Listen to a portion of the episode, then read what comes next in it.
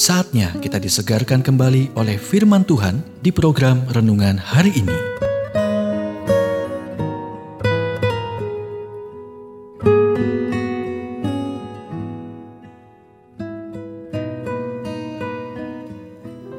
Renungan hari ini berjudul Tahun ini pujilah Tuhan dan nikmatilah Dia.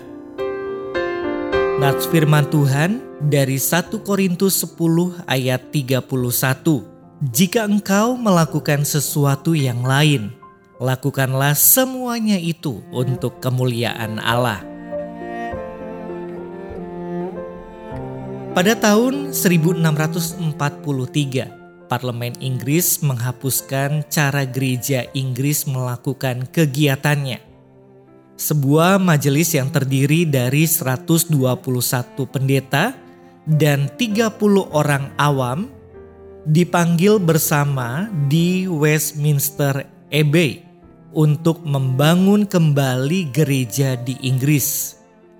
Dokumen-dokumen yang keluar dari pertemuan enam tahun itu di antaranya merupakan dokumen yang paling terkenal dalam sejarah gereja.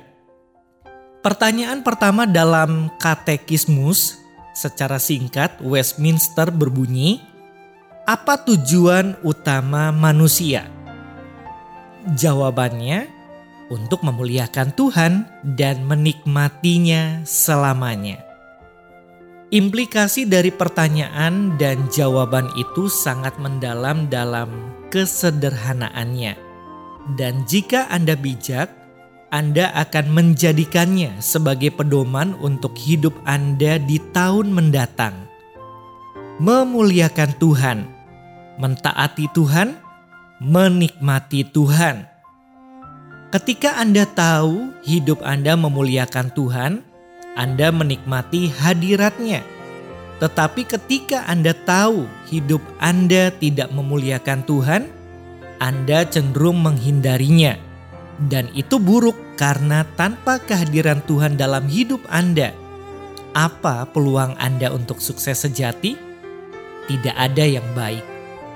Ketika Anda melihat kembali tahun lalu, apakah ada hal-hal yang Anda sesali karena Anda tahu bahwa Tuhan tidak dimuliakan di dalamnya?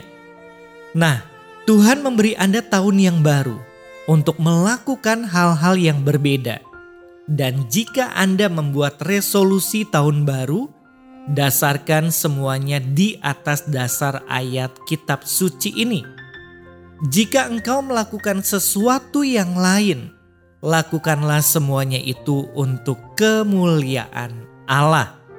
Jika Anda mengikuti petunjuk itu, Anda akan tetap berada di jalan yang benar, dan Anda akan memiliki kedamaian dan sukacita karena mengetahui bahwa hidup Anda menyenangkan Tuhan. Apa pun keadaan yang mungkin muncul, Anda akan menghadapinya dalam damai dan percaya diri, sebab Anda tahu bahwa Tuhan menyertai Anda.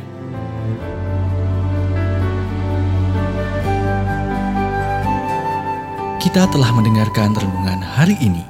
Kiranya renungan hari ini terus mengarahkan kita mendekat kepada Sang Juru Selamat, serta menjadikan kita bertumbuh dan berakar di dalam Kristus.